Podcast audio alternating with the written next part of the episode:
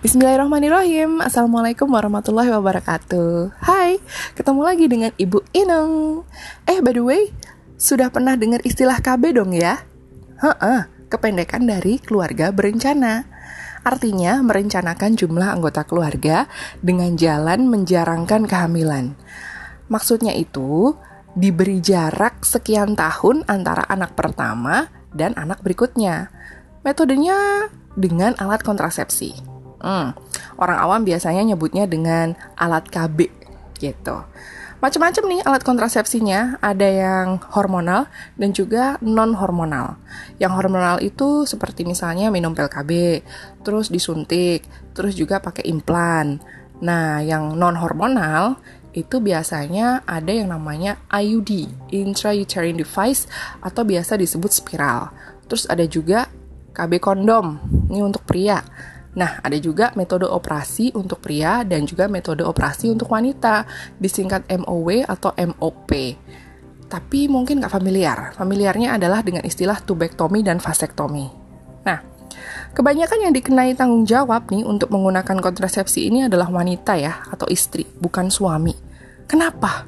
Apakah karena pilihannya memang lebih banyak buat istri? Hmm, kalau dipikir-pikir sih iya.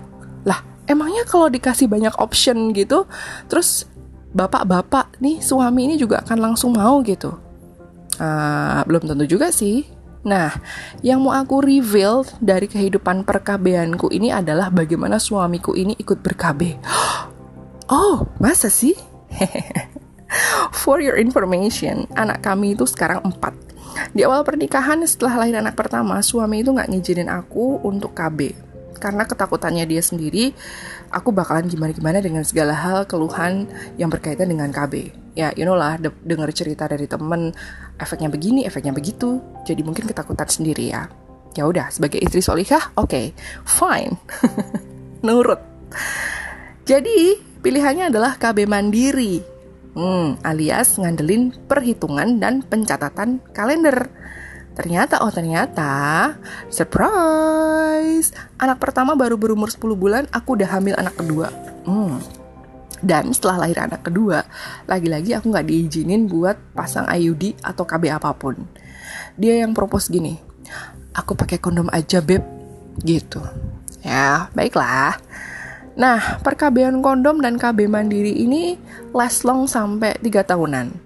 Kalau ini sih emang disengaja gak dikabein karena emang pengen punya anak lagi ya.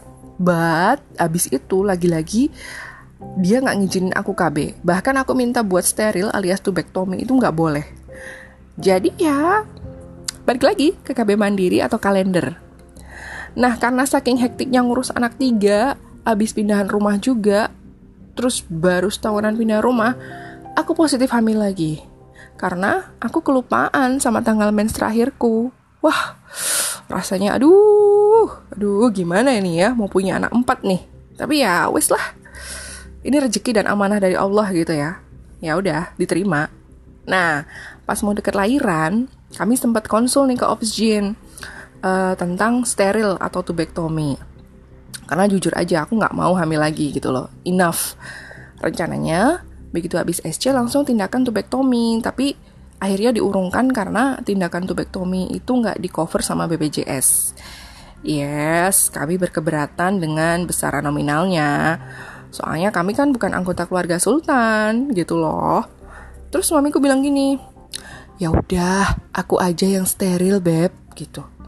Eh ini entah dia ngomong gitu buat ayam-ayamin aku aja karena udah mau SC, atau serius beneran aku nggak tahu loh, beneran waktu itu.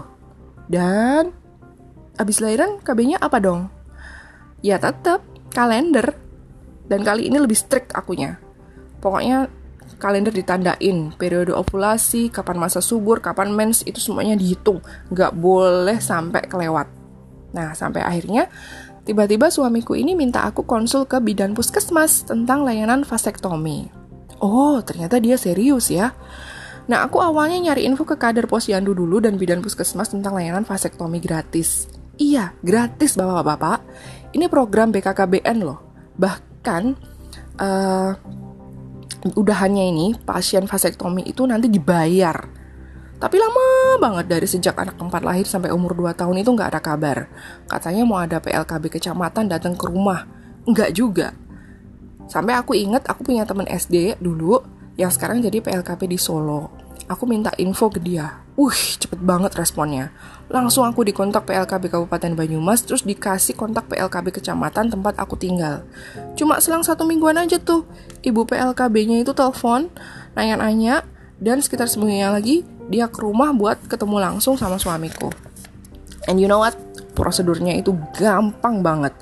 Secara administrasi cuma nyiapin berkas-berkas KTP, KK, buku nikah gitu, dan gak bayar. Tinggal nunggu tanggal tindakan vasektomi di puskesmas. Oh ya, anyway, kenapa sih kok akhirnya suamiku yang ber-KB vasektomi lagi ya? Karena kami udah merasa cukup dengan empat anak, nggak mau nambah lagi.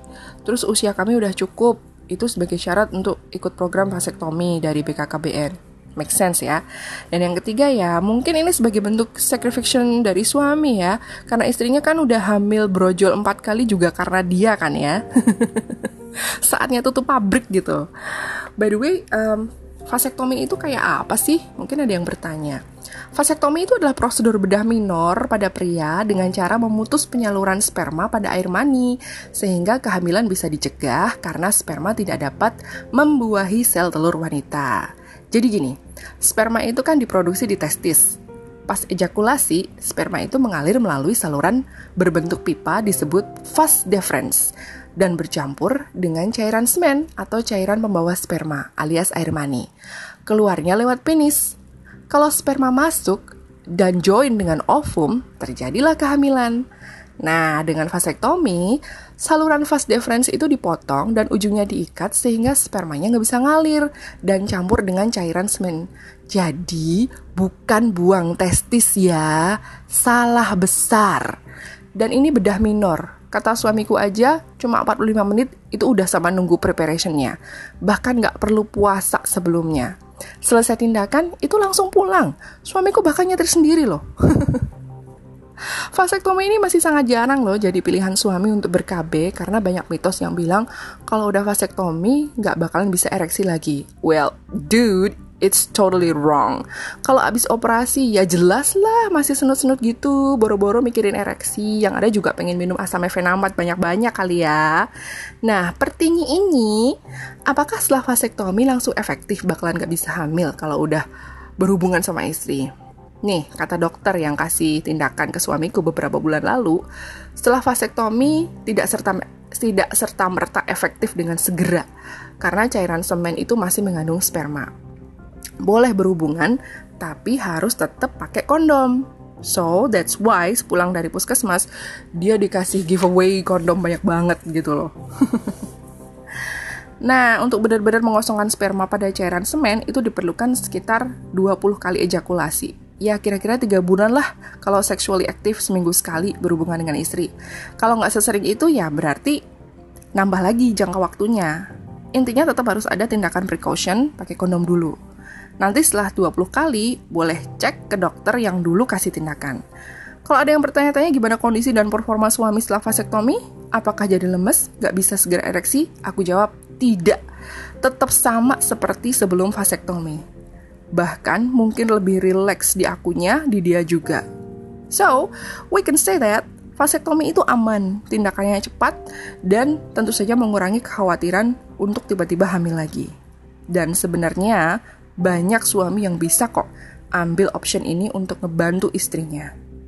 Mas Anang Hermansyah dan Giring aja yes, kenapa bapak-bapak yang lain enggak?